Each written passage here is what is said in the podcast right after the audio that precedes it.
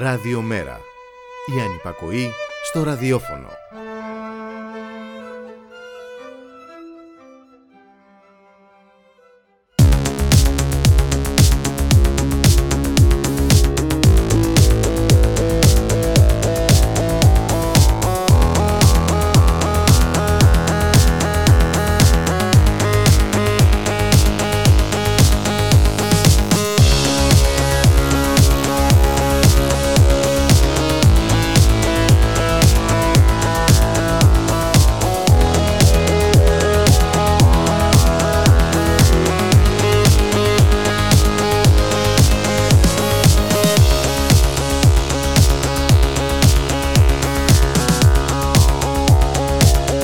Σας. Ξεκινάει σήμερα το Παρλαφούσι πάλι με την Πάολα Ρεβενιώτη. Στην άρχη συνταξία είναι ο φίλος μου ο Τάκης ο Κουρκουρίκης και στον ήχο ο Γιώργος ο Νομικός.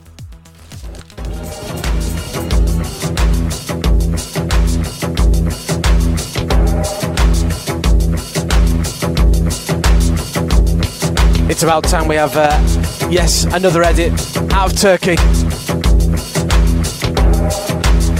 I was thinking the other day which is my favourite for this year. It's definitely one of Fatish's is going to feature. Well, this is another one. Brand new. Fatish rework of Az Azamet and Three Hurry.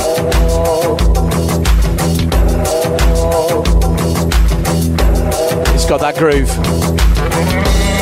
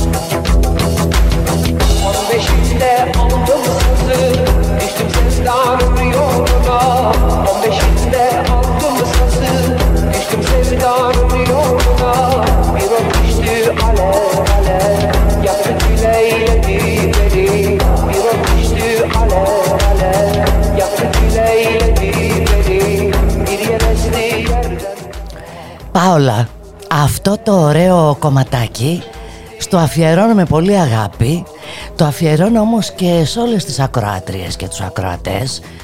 Ξέρεις, άντρες, γυναίκες και παιδιά, γκέι, λεσβίες, τρανς και οτιδήποτε ο καθένας αισθάνεται και νιώθει.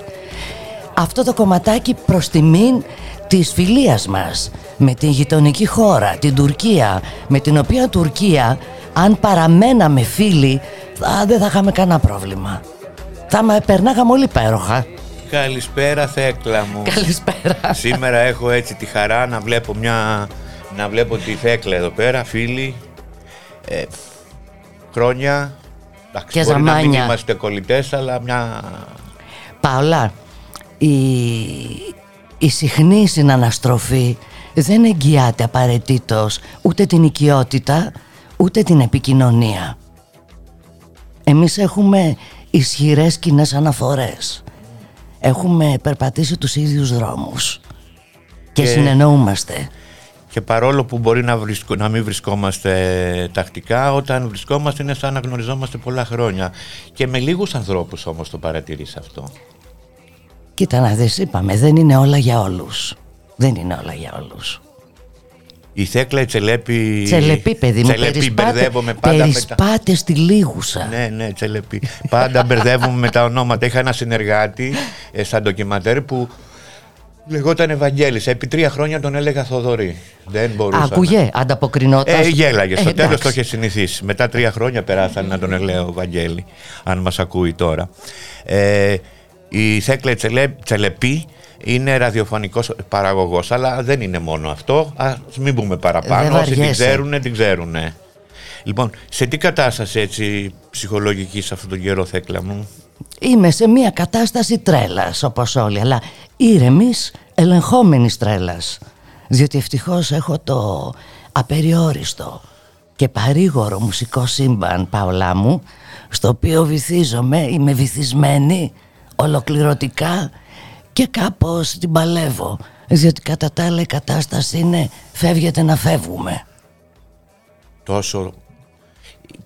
Ή- Τόσο κι άλλο τόσο Ζούμε απε, απεσιόδοξους καιρούς αυτή την εποχή. Δεν είναι ούτε απεσιόδοξη ούτε αισιόδοξη. Δεν είναι αυτό το θέμα. Ζούμε δύσκολους, πολύ δύσκολους καιρούς.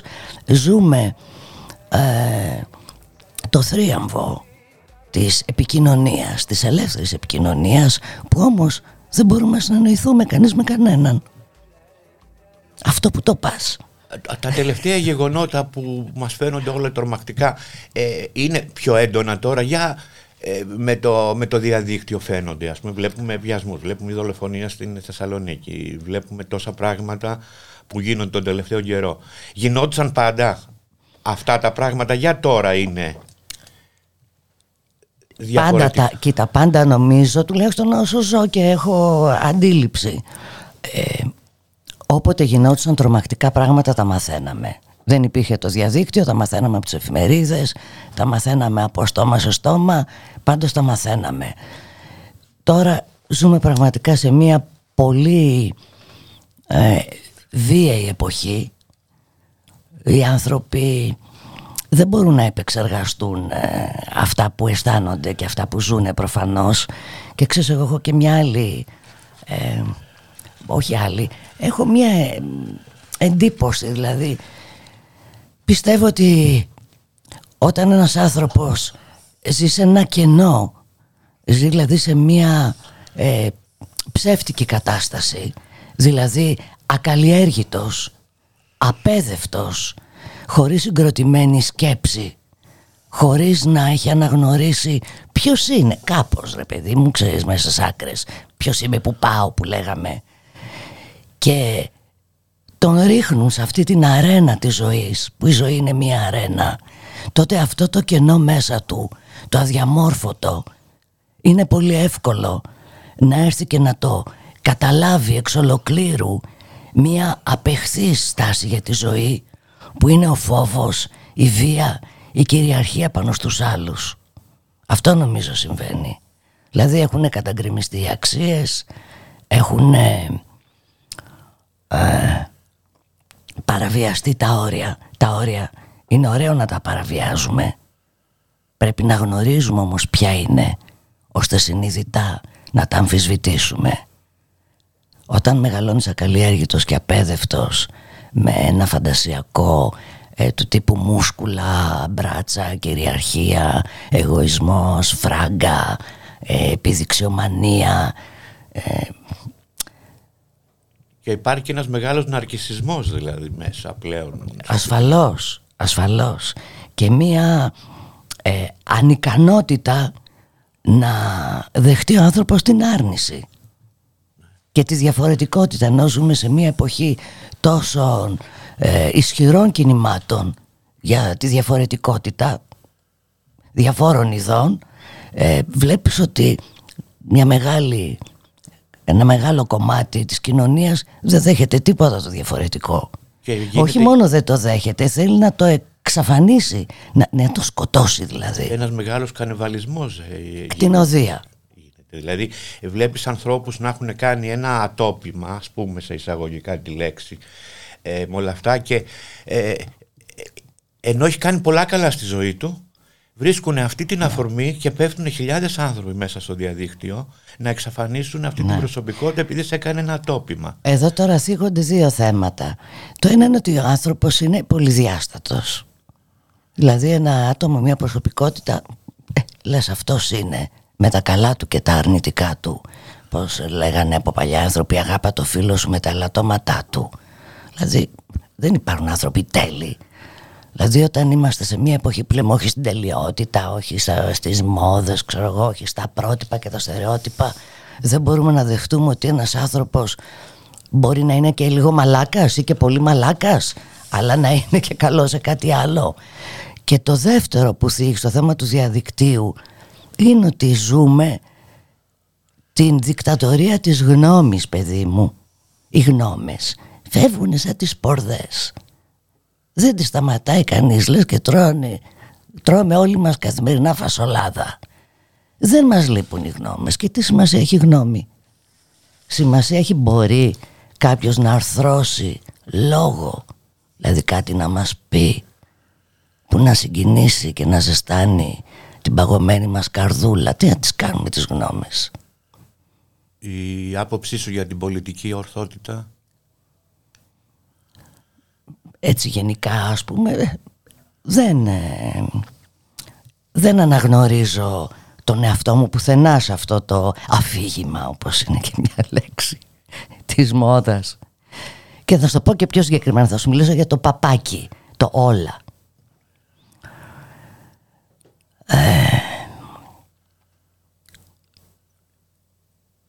όλη η φασαρία γίνεται για τον έρωτα. Για τον ελεύθερο έρωτα. Σωστά; Από την κάβλα, εγώ πάντα είμαι της άποψης ότι από ναι. την κάβλα ξεκινούν λοιπόν, τα πάντα. Θέλω να πω, γεννιέσαι αγόρι και θες και νιώθεις κορίτσι. Ή γεννιέσαι κορίτσι και νιώθεις αγόρι. Ή γεννιέσαι κορίτσι και νιώθεις κορίτσι. Γεννιέσαι αγόρι και νιώθεις αγόρι. Ή γεννιέσαι είτε αγόρι είτε κορίτσι και κάποιες στιγμές της ζωής σου μπορεί να νιώθεις και το αντίθετο υπάρχει όμως υπάρχει μια ταυτότητα σε αυτό που προσδιορίζει το σεξ σου γι' αυτό και κάνεις φασαρία γιατί είσαι ένα ερωτικό πλάσμα. Θέλω να πω αυτό το ουδέτερο Σε αυτό το ουδέτερο δεν μπορώ να ταυτιστώ. Στο όλα. Πια όλα. Το θέμα είναι να συμπεριλάβουμε και άλλες ταυτότητες. Όχι να εξαφανίσουμε Αυτές που ήδη υπάρχουν και που δεν μπορείς να την πετάξεις δηλαδή ακόμα και αν πάρεις μια απόφαση στη ζωή σου και και δηλώσεις και νιώθεις και είσαι κάτι άλλο είσαι και κάπως θα, θα σου πω κάτι στα χωριά απευθύνονται με το ουδέτερο είτε στα μικρά παιδιά αλλά, όπως και στις πόλεις βεβαίως αλλά και στους γέρους γιατί λένε ας πούμε το Γιώργη το Ιαννιό το Κατερινιό διότι πια ο άνθρωπος το βαθυγύρας έχει πλέον απολέσει την ερωτική του ταυτότητα και επιστρέφει στο ουδέτερο όσο λοιπόν είμαστε μάχημοι ερωτικά προσωπικά το ουδέτερο δεν με... Ε, ε, ε, μου δημιουργεί μια μηχανία. Δηλαδή δεν μπορώ να απευθυνθώ σε έναν άνθρωπο ως να είναι ουδέτερο. Θα πω, τι ωραία, τα αντικείμενα που έχετε εδώ είναι όλα χαριτωμένα. Απ' την άλλη όμως θα πω, όλοι οι άνθρωποι είναι ξεχωριστοί. Για μένα το άνθρωπος τα συμπεριλαμβάνει όλα. Να σου πω, είσαι ε, γυναίκα που έχεις ασχοληθεί πάρα πολύ με το ραδιόφωνο και σε εποχές λίγο πιο συντηρητικές. Δεν Αντι... με ενόχλησε ποτέ κανείς. Δεν σε ενόχλησε ποτέ κανείς αυτό. 40 χρόνια Πάολα, φέτος μπαίνω 41 χρόνια στη ραδιοφωνία. Ε, σκεφτόμουν να κάνω αυτή την ερώτηση και λέω τώρα τι να της πω της Θέκλας, ότι αντιμετώπιζε τη Θέκλα μόλις τη βλέπανε ποτέ, τρέμανε. Ποτέ, δεν με ενόχλησε ποτέ κανείς. Είχα τέτοιο θράσος, αλλά θράσος τύπου άγνοια κινδύνου ρε παιδί μου. Μια φορά δουλεύω στην ΕΡΤ και πάω να δω τον τότε διευθυντή. Και πάω και φοράω ένα ε, που κάμισο μεταξωτό εντελώς διάφανο μαύρο και χωρίς ουτιέν από μέσα. Και πήγα και μίλησα για δουλειά το 81 ξέρω εγώ δηλαδή θα σου πω κάτι που το έχουμε ξανασυζητήσει οι δυο μας. Δεν ζητάμε την άδεια από κανέναν για να είμαστε αυτοί που είμαστε. Και αν καμιά φορά είμαστε προκλητικοί δεν το κάνουμε για να προσβάλλουμε τον άλλον. Ο άλλος μας βλέπει προκλητικούς. Εμείς είμαστε αυτό που είμαστε. Το κάνουμε γιατί μας αρέσει. Να ακούσουμε ένα τραγουδάκι. Ε ασφαλώς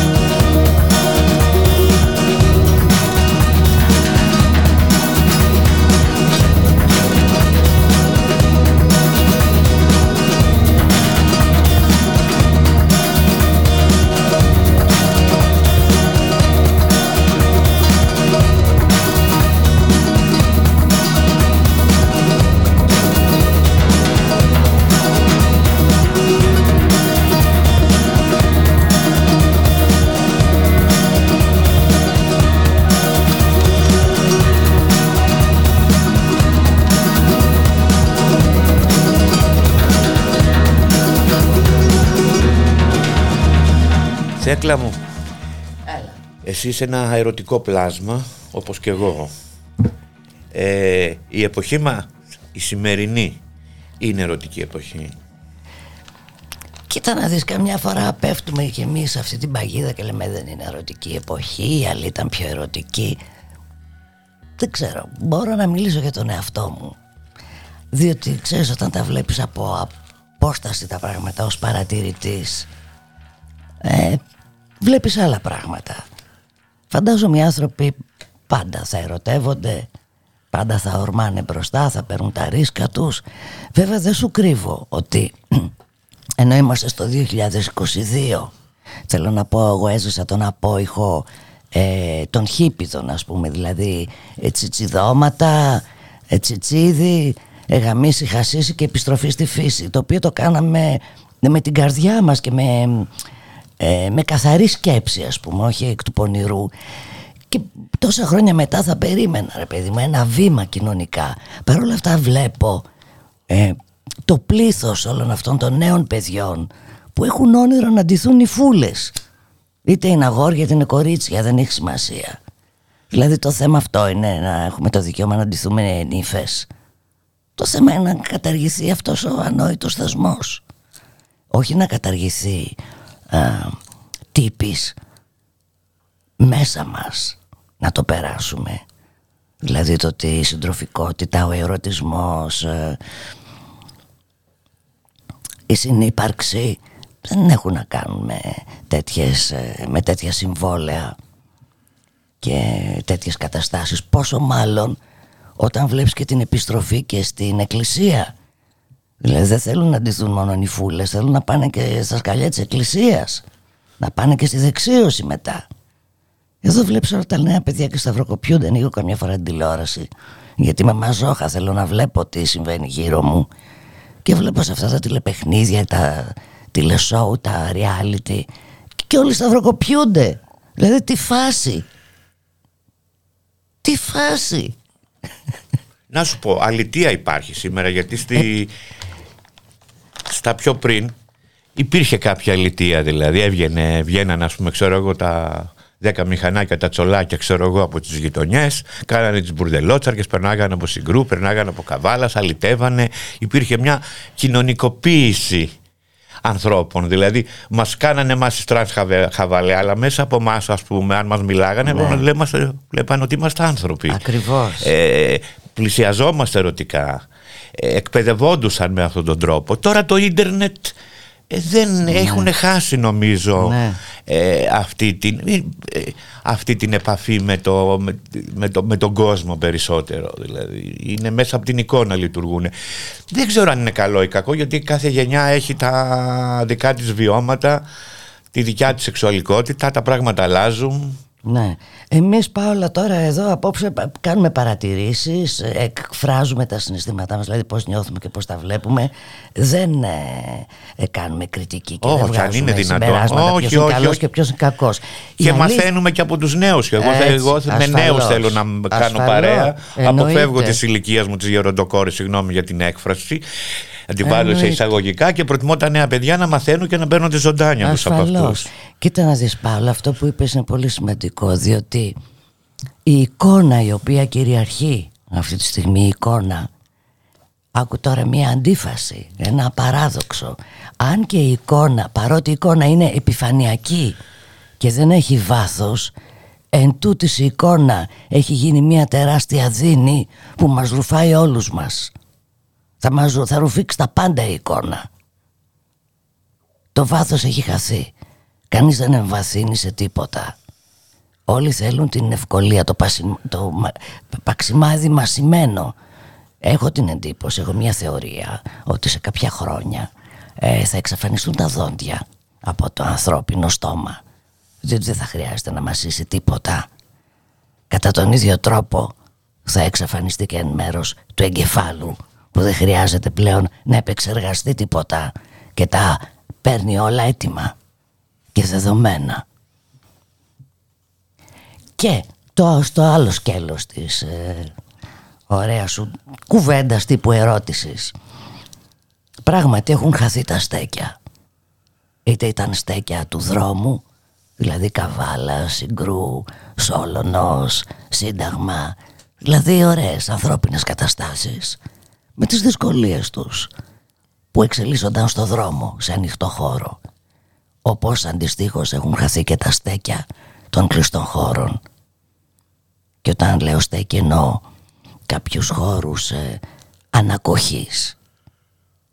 Δηλαδή χώρους που μπορούσε να πάει ο καθένας αρκεί να σεβόταν την ατμόσφαιρα του σημείου στέκει δηλαδή είναι το μέρος εκείνο που θα σηκωθείς. 10, 11, 12, μία η ώρα τη νύχτα μόνος σου ή μόνη σου. Και θα πας ξέροντας ότι δεν θα βρεις έναν φίλο. Αλλά ακόμα και γνωστό φίλο να μην βρεις. Θα μιλήσεις με έναν άγνωστο. ναι, διότι το γεγονός ότι ο άγνωστος είναι εκεί έχοντας αποδεχτεί τη συνθήκη αυτή την άτυπη συμφωνία αυτού του μαγαζιού ας το πούμε τον καθιστά ένα άτομο που μπορείς να μιλήσεις. Άλλωστε δεν τρέχει τίποτα. Όλοι μέχρι να γνωριστούμε άγνωστοι είμαστε. Να ακούσουμε άλλο ένα τραγουδάκι. Θα ακούσουμε ένα τραγουδάκι το οποίο Πάολα θα το εφιερώσουμε στο φίλο μας τον κομισάριο το Δημήτρη το Μανιάτη που έχω την εντύπωση ότι μας ακούει και γνωρίζω ότι του αρέσει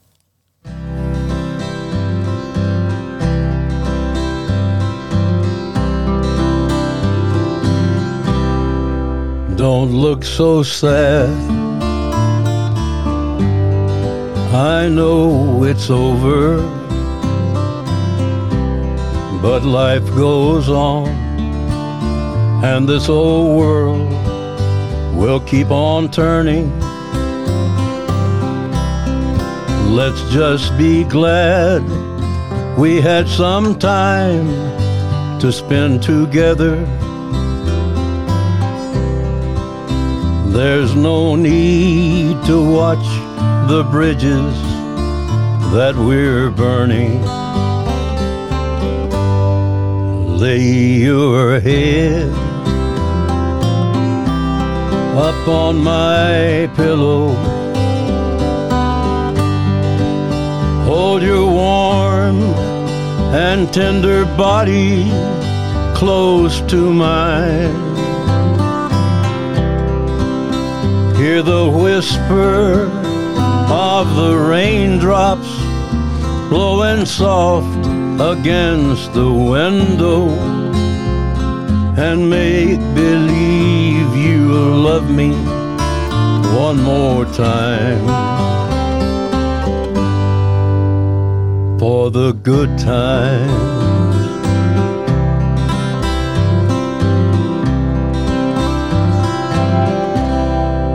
I'll get along.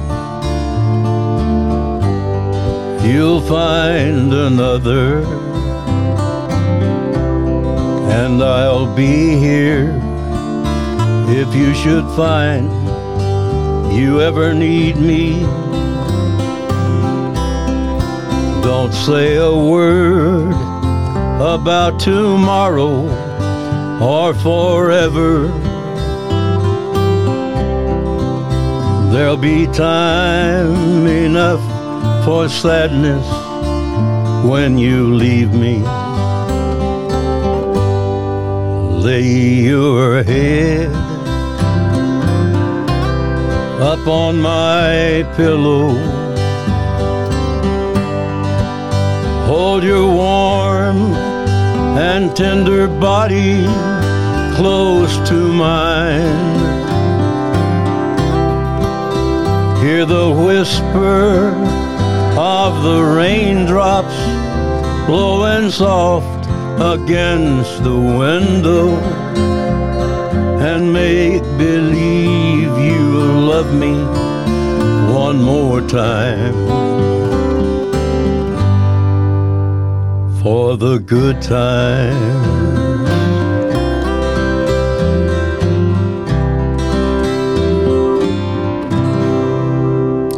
Πάολα αυτό το κομματάκι που ακούσαμε είναι ένα παλιό τραγουδάκι του Chris Christopherson. Εδώ βέβαια το ακούσαμε από τον Johnny Cash.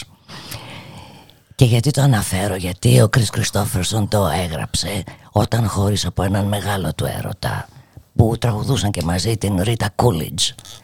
Και της λέει με λίγη στο κομμάτι ότι εντάξει, χωρίσαμε, δεν θα κάψουμε και τις γέφυρες να μην μιλιόμαστε κιόλας. Έλα απόψε να σε πάρω αγκαλίτσα που η βροχή σκάει έτσι σαν μουσική στο τζάμι. Θέλω να πω, τι φάση αυτή να πούμε που χωρίζουν οι άνθρωποι και μεταμισιούνται, δεν θέλει να δει ένας τον άλλον; Δεν μου Τι λέει- λες; Δεν μπορείς να ζήσει χωρίς μουσική πάντως. Είναι η Όχι, ζωή σου. όχι, Ε, αλήθεια. είναι η ζωή σου η μουσική, έτσι. Είναι ναι Θέλω να πω δηλαδή για, τη- για την αγάπη αυτό και τον έρωτα και τα αισθήματα της κτητικότητας και που ένας ας με ερωτεύεται και έχει ένα, ένα σενάριο στο μυαλό του. Είναι η ίδια συζήτηση που είχαμε και πριν με τους ανθρώπους που είναι πολύ διάστατοι και δεν είναι να τους πετάμε για ένα, ένα ας πούμε που δεν μας κάνει. Και άμα δεν τους βγει λοιπόν το σενάριο όπως το είχαν ολοκληρωμένο πετάνε και εντάξει τον έρωτα έτσι κι αλλιώς θα πεταχτεί μόνος του γιατί τελειώνει. Αλλά πετάς και τη σχέση ολόκληρη. Τι λες; Μικροψυχία δηλαδή άλλωστε ποιος σε ξέρει καλύτερα από έναν πρώην εραστή; Κανείς γιατί λοιπόν να μην τον κρατήσει φίλος στον άνθρωπο; Με τον Μπουλικάκο είσαστε φίλοι πόσα χρόνια και ήταν. μια ζωή. Έχουμε υπάρξει ζευγάρι, ας το πούμε έτσι, αλλά είμαστε φίλοι, όλοι είμαστε ζωή και συνεργάτες. Εγώ έχω μείνει σπίτι του, έχει μείνει σπίτι μου. Να σκεφτείς πάρα πολλοί κόσμος ακόμα και σήμερα. Νομίζουν ότι είμαστε μαζί, ενώ δεν είμαστε. Εδώ και πάρα πολλά, φάση 20 χρόνια που έχουμε χωρίσει, μπορεί και παραπάνω. Αποκλίνεις εννοώ. Αλλά είμαι, είναι η οικογένειά μου. Λέει δεν ζηλεύει. Μα τι να ζηλέψω.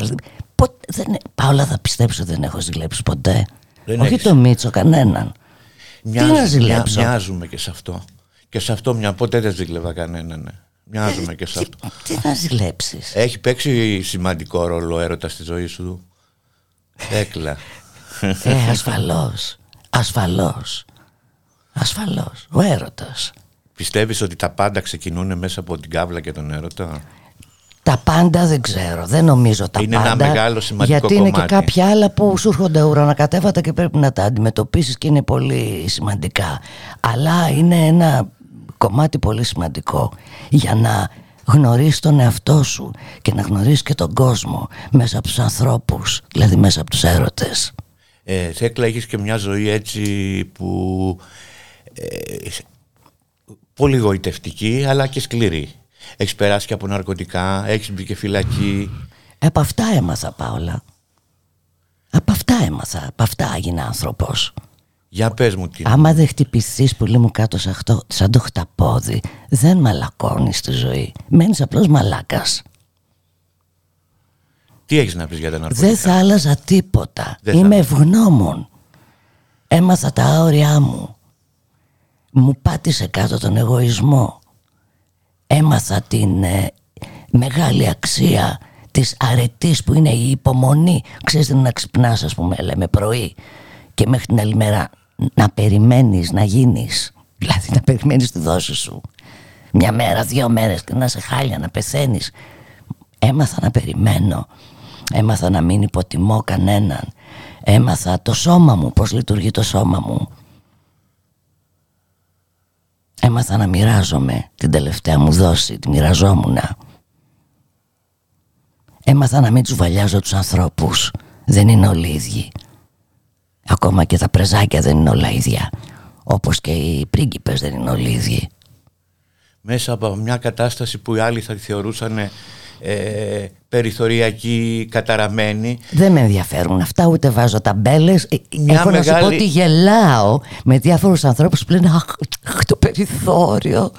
Ναι. Μ' αρέσει. Δεν λέγονται αυτά τα πράγματα. Αυτά τα πράγματα ή κάποιος τα ζει ή δεν τα ζει. Τώρα δεν είναι τσίρκο το περιθώριο. Γενικά καμία κατάσταση ανθρώπινη δεν είναι τσίρκο για να πούμε «Μα- μ' αρέσει, δεν μ' αρέσει. Σε κάποιους τυχαίνει, σε κάποιους δεν τυχαίνει. Δεν τρέχει τίποτα. Δεν θα εκτιμήσω δηλαδή κάποιον παραπάνω επειδή είναι περιθωριακός και άλλον λιγότερο επειδή δεν είναι περιθωριακός. Είναι άλλα τα στοιχεία που θα με συγκινήσουν για να εκτιμήσω ή να διαφορήσω για ένα άτομο. Θέκλα, να πάμε Ορίστε. και λίγο, θέλεις να πάμε παρόλο που δεν μ' αρέσει. Πάμε να... όπου θες παιδί μου, θα Πάρα- σου πω εγώ εσένα όχι. Ξέρεις, παρόλο που δεν μ' αρέσει και βαριέμαι ασύστολα να μου ε, να, να μιλάω για το παρελθόν και έχω ακούσει πολλές φορές να λένε και είχα ε, εκνευριστεί να λέει Πάολα στον καιρό σου και λέω ποιο καιρό μου μου λένε τώρα αφού τώρα ζω σήμερα δεν ζω στον παλιό καιρό δηλαδή και μου είχε κάνει εντύπωση και ποτέ δεν κοίταζα το παρελθόν μου το θυμίζουν οι άλλοι αλλά έχεις γνωρίσει μέσα από τα εξάρχεια και σημαντικούς ανθρώπους να θυμηθούμε μερικούς ανθρώπους από τα εξάρχεια Ό,τι θέλεις. Άσημος Ναι. Άκου. Απεχθάνομαι την παρελθοντολογία Ναι. αλλά αγαπώ το παρελθόν μου. Έτσι. Γιατί ό,τι έχω ζήσει είναι αυτό που είμαι εγώ τώρα. Το αγαπώ. Ναι, και εγώ τον αγαπούσα τον Νικόλα. Παρόλο που πάντα εκνευριζόταν όταν με έβλεπε. Τι τρίτζος Ναι, άνθρωπος με παιδί κυνήγαγε μου. με μια μαγκούρα. Φαντάζεσαι να ζούσε τώρα; Ω, πα, πα, πα, πα. Αλλά εντάξει, τον αγαπάμε. Ασφαλώς. Ασφαλώς. Κατα- ε, αφ- ε, εγώ, Κατερίνα. Κατερίνα. Βασανισμένο παιδάκι. Βασανισμένο παιδάκι. Κάτι που ε, επιβεβαιώσε και ο τρόπος που έφυγε. Κρίμα. Και εγώ είχα Πάρα πολύ. Στεναχωρέθηκα, πάρα πολύ. στεναχωρέθηκα και Πάρα πολύ. μου είχε φέρει και ένα ποίημα ένα βράδυ, ξέρεις, και το είχα δημοσιεύσει στο κράξιμο, την συμπαθούσα, αλλά εντάξει. Εντάξει, επειδή, ε, είναι μερικοί άνθρωποι οι οποίοι είναι μεγάλοι, δημιουργικοί, αλλά αυτοκαταστροφικοί. Εγώ γι' αυτό σταμάτησα να γράφω ποίηση που είχα γράψει ένα βιβλίο. Και μόλις τα είχα διαβάσει, λέω Πάολα, δεν υπάρχει περίπτωση να ξαναδιαβάσεις. Καταμαύρησες, ε. Μαύρηση ψυχή μου, ούτε Μαύρησε η ταινίες ψυχή Φασμπίτερ θα ξαναδείς, ούτε Ταρκόφσκι, ούτε τέτοια. Hollywood, στρά και έξω ζωή. Σας παρακαλώ, δεν είναι για μένα ναι, αυτά. Καλά είναι όλα αυτά. Σου ανοίγουν τη σκέψη, αλλά μια ζωή την έχουμε. Ναι, έτσι. Κατάλαβες; Ένα Σωστό. ποπό έχουμε, ας τον κάνουμε να Σωστό. καλοπεράσει. Να το πω πιο Σωστό. λαϊκά. Κοίτα να δεις το ένα δεν αναιρεί το άλλο. Ε, βέβαια. Δεν αναιρεί, είπαμε, η ζωή προχωράει συνδυαστικά και πολυδιάστατα. Έχουμε και τις στιγμές μας τις μαύρες, Έτσι. έχουμε και τις στιγμές μας τις ανέμελες. Έτσι είναι. Και από εκεί και πέρα είναι και αυτό που λέγανε οι παλιοί ρε παιδί μου, όποιο του μέλει να πνιγεί ποτέ του δεν πεθαίνει. Δηλαδή κάπου είναι και θέμα τύχης. Δηλαδή κάποιοι φίλοι μας φύγανε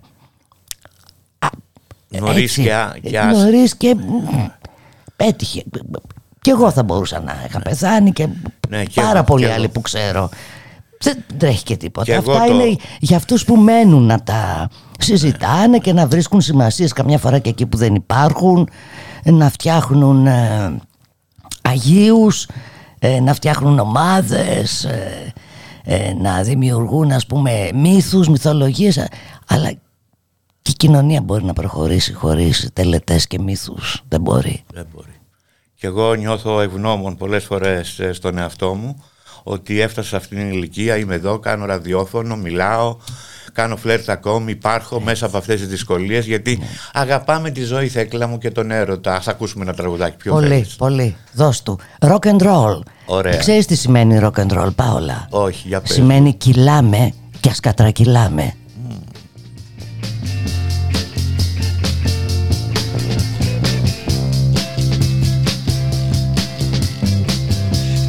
said when she was just five years old, there was nothing happening at all.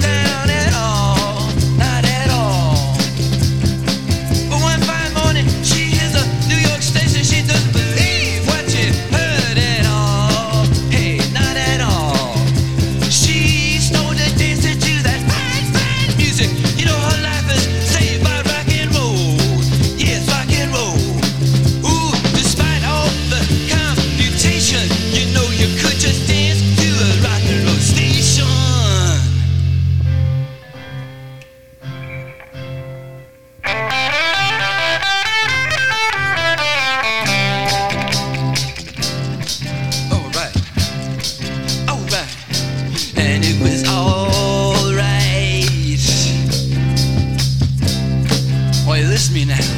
And it was all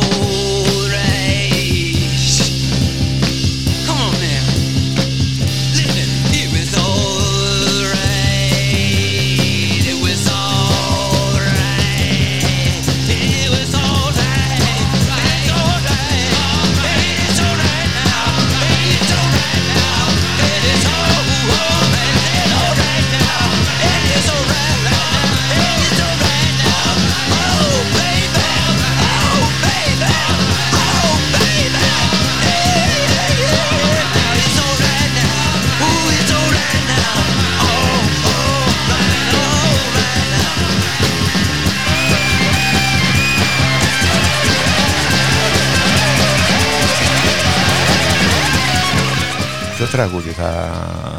Ε, και- όχι, τίποτε. Μπερδεύτηκα, νόμιζα ότι θα μπει τραγούδι.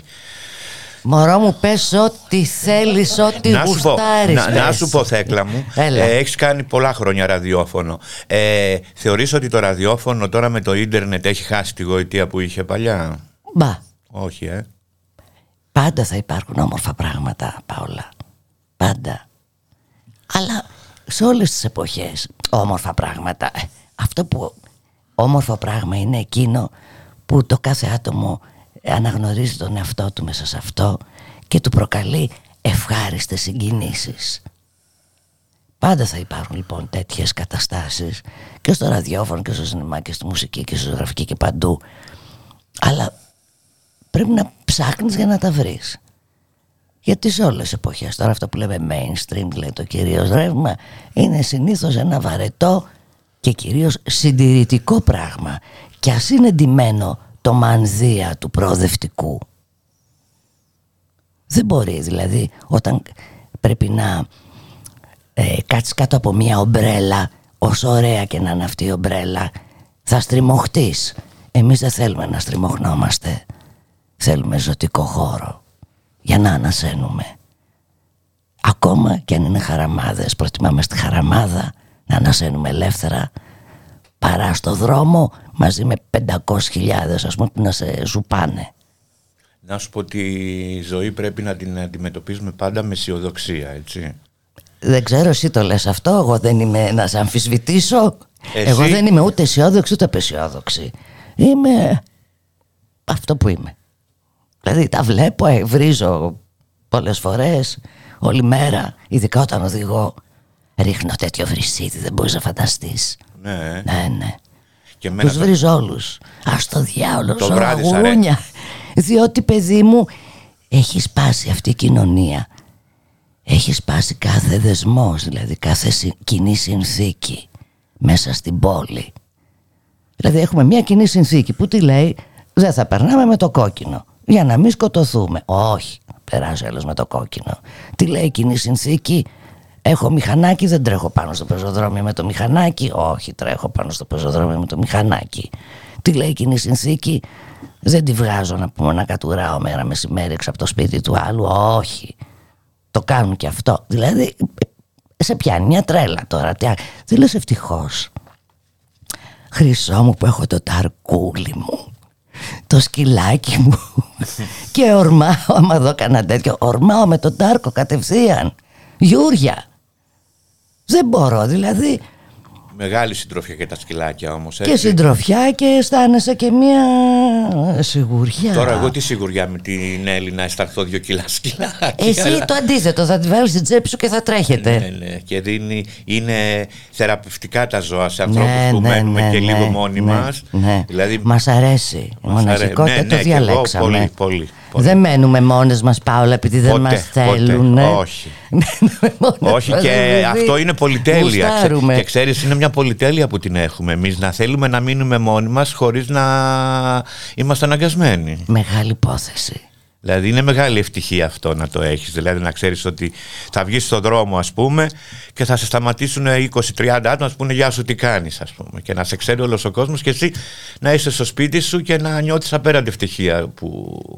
Να ξέρω ότι η Ναι. μοναχικότητα δεν την ε, ανταλλάσσω με τίποτα. Και έχει υπόψη μου από πιτσιρίκα έτσι. Δηλαδή τότε που παίζω στα πλα- κλαμπάκια, ας πούμε, δεκαετίες 80-90, ακόμα παίζω, αλλά σου λέω για εποχές, εντάξει, που ήμουν πιτσιρίκα, καταλαβαίνεις, καυλορά πάνω σαν να λέμε. Στον Άρη πήγαινες στην πλάκα, το πρόλαβες; Το πρόλαβα βέβαια. Μπορεί να παίζω, ξέρω και να έχει από κάτω 200, 300, 500 άτομα, φλερτ, αυτά. Το βράδυ τίποτα, παίρνω τα μαξάκι σπίτι μόνη μου. Μ' αρέσει η μοναχικότητα. Δεν μπορώ συνέχεια να έχεις έναν από δίπλα πι- πι- πι- πι- πι- πι- να σε πι- πι- πι- πιλάει. Και με το Μίτσο, κοίτα να δεις που μπορέσαμε και ζήσαμε μαζί 10 χρόνια και είναι γιατί ο Μίτσος είναι άτομο το οποίο μπορεί να σηκωθεί ας πούμε το πρωί να βυθιστεί στα γραπτά του ή στις μουσικές του Και να σε αφήσει την και να σε ησυχία σου. αφήσει.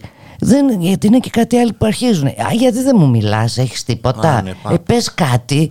Ε, τι κάνεις τώρα εκεί; Ε, δεν μπορώ Και αγάπη να μου, μπαίνει και η ζήλια στη τρελαίνομαι. μέση, να μπαίνει και Για η να ανασφάλεια. ασφάλειες, να μπαίνει- παιδί μου. Τι φάση.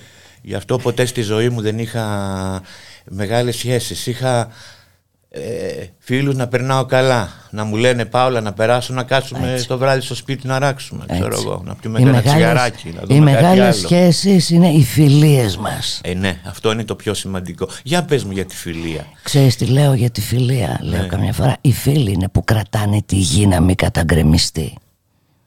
Οι φίλοι. Λίγοι Δεν όμως. θα ζούσα αν δεν είχα φίλους, το, το λέω κυριολεκτικά αυτό.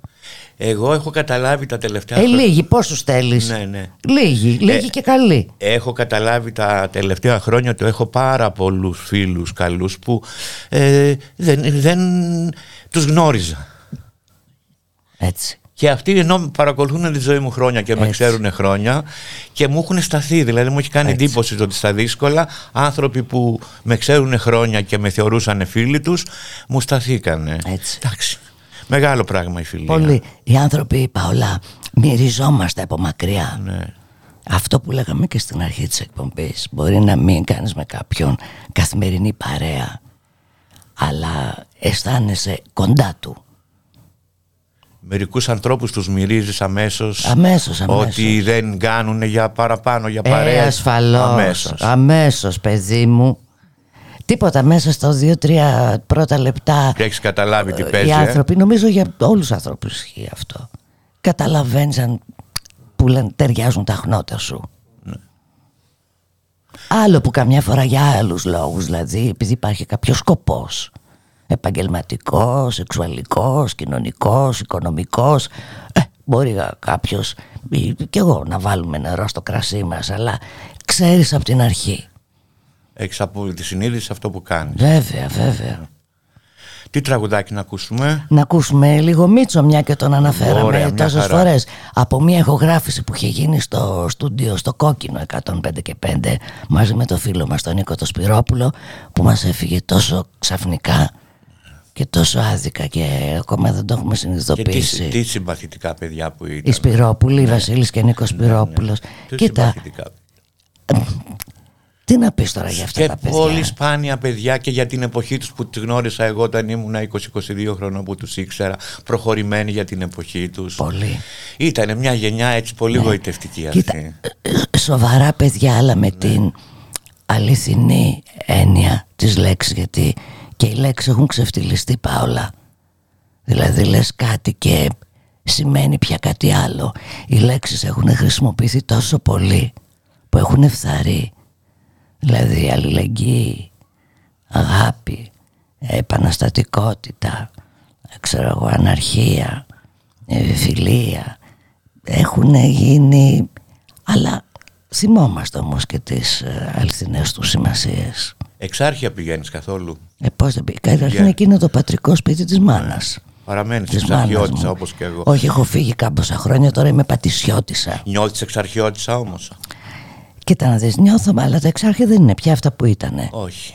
Ε, Νιώθω ότι έζησα μία εποχή που έχει γράψει μέσα μου βαθιά ε, με μία συγκεκριμένη κουλτούρας, δηλαδή κάποιες καθημερινές συνήθειες και ένα τρόπο επικοινωνίας, σκέψης και έκφρασης που γεννήθηκε και άνθησε εκεί που όμως πια ε, δεν υπάρχει πλέον. Τελείωσε. Ε, τελ- όλα τελειώνουν. Ναι, και εγώ 17 χρόνια. Δεν τρέχει έζησα. τίποτα. Θα- Η ζωή θα γεννήσει κάτι άλλο. Έτσι είναι, έτσι είναι, έτσι είναι.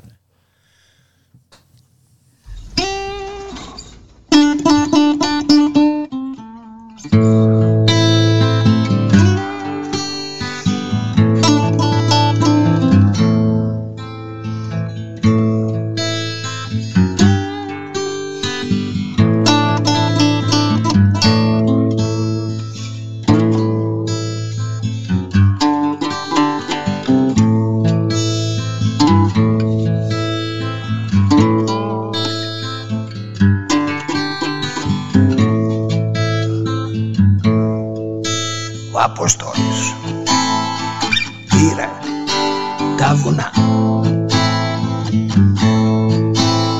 διότι όλα του επήγανε στραβά. Και ο Αποστόλης πήρε τα βουνά. Κι είναι τώρα στις ψωλής του το χαβάν. Στις ψωλής του το χαβάν στις ψωλής του. Το χαβάν ο Αποστόλης πήρε τα βουνά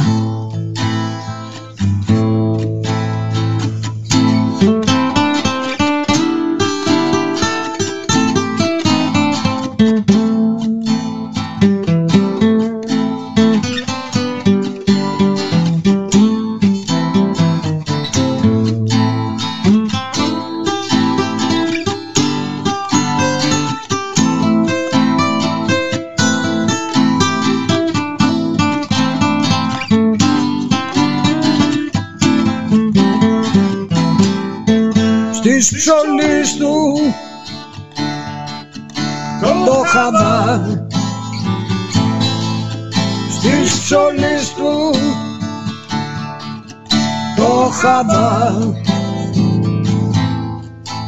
ο Αποστόλης πήρε τα βουνά.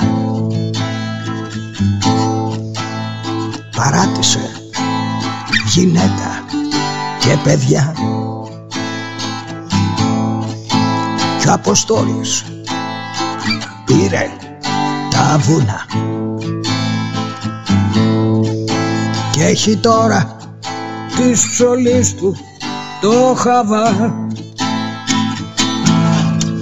Της ψωλής του ο, το χαβά. Της ψωλής του το χαβά.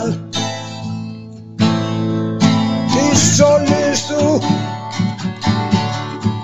το χαβά ναι ο Αποστόλης πήρε τα βουνά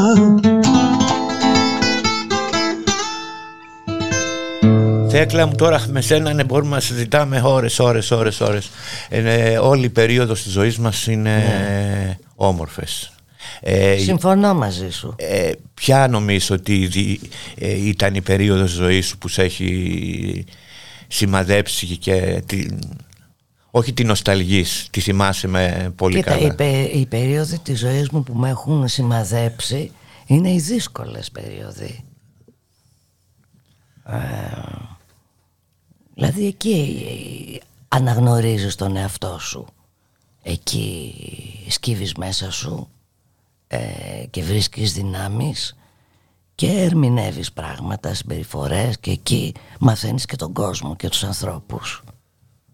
Και τα παιδικά μου χρόνια ήταν δύσκολα. Δύσκολο όχι με την έννοια ότι ήταν, δεν είχαμε να φάμε ας πούμε, οικονομικά, το αντίθετο, αλλά ήταν παράξενα γιατί βίωσα ένα διαζύγιο γονιών αρχές δεκαετίας του 60 να σκέφτεσαι ένα διαζύγιο που γράφτηκε σε εφημερίδες γιατί ο πατέρας μου ήταν γνωστός επιχειρηματίας ε, το διαζύγιο κατέληξε στα δικαστήρια δηλαδή με έναν λυσα, ε, λυσασμένο πόλεμο ανάμεσά τους. Ανάμεσα στη μάνα και τον πατέρα λέμε τα βράλογα και οι δύο θηρία. Ο ένας πως είναι το κράμερ versus κράμερ ας πούμε ο ένας να εξοντώσει τον άλλον. Και εκεί εκεί άρχισα να αναγνωρίζω τον εαυτό μου τώρα λέμε 5-6 χρονών 7 αλλά ήταν το σπουδαιότερο μάθημα που πήρα στη ζωή μου διότι διδάχτηκα την παροδικότητα των πάντων όλων. Ότι τίποτα δεν είναι μόνιμο και σίγουρο παρόλα είναι προσωρινά και το μόνο που θα υπάρχει πάντα εκεί για να καταφύγουμε είναι ο εσωτερικός μας κόσμος. Τα συναισθήματά μας και ο πλούτος μας ο εσωτερικός όπως είπα και πριν η περίοδος της πρέζας που κράτησε και πολλά χρόνια δεν θέλω τώρα να πω ακριβώς πόσα γιατί μπορεί να θεωρηθεί και υπερβολικό με δίδαξε πάρα πολλά διότι ταυτόχρονα εγώ ζούσα. Δεν είναι ότι ήμουν πρεζάκι και ήμουν απλώς πρεζάκι δηλαδή σπούδαζα, δούλευα σαν τρελή τα κάνα όλα.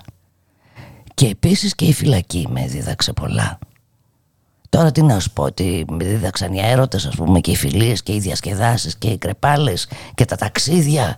Εντάξει, αυτό εξυπακούεται. Είμαι πάρα πολύ χαρούμενη που σε είχα εδώ στην παρέα μου σήμερα. Κι εγώ πουλάκι μου ξέρεις ότι σε έχω στην καρδιά μου. Ε, Ελπίζω να τα ξαναπούμε κάνα βραδάκι πάλι Όποτε θέλετε. και να ακούσουμε και το τελευταίο τραγουδάκι. Να ευχαριστήσουμε πολύ τον Γιώργο Το που Γιώργο, τόσο ωραία τον φρόντισε Τάκη εδώ τον που- ήχο. Τον Τάκη. Είναι το δεξί μου Εξαιρετικός. χέρι, εξαιρετικός συνεργάτης και φίλος. Μια ωραία παρέα είμαστε εδώ πέρα. Και τις φίλες και τους φίλους που μας ακούσανε. Και τους φίλους που μας Που είχαν ακούν. την υπομονή να υποστούν αυτή τη λακατάσχετη λογοδιάριά μου. Καλό σας βράδυ, θα τα πούμε την άλλη πέμπτη πάλι.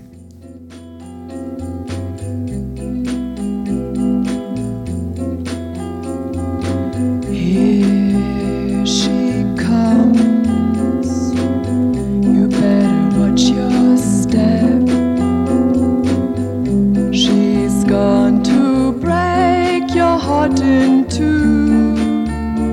It's true.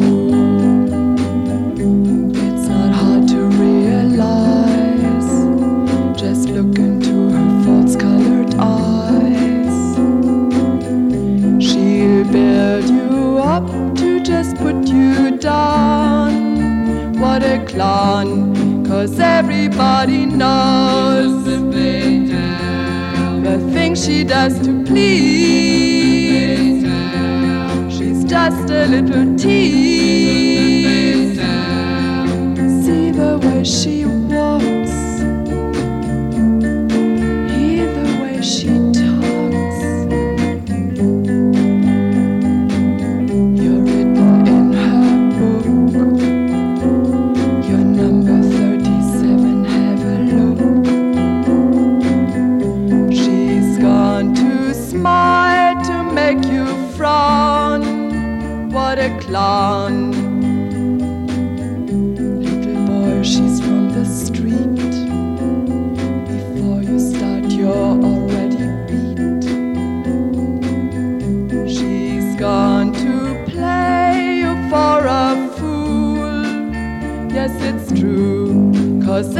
everybody knows the things she does to please. She's just a little tease.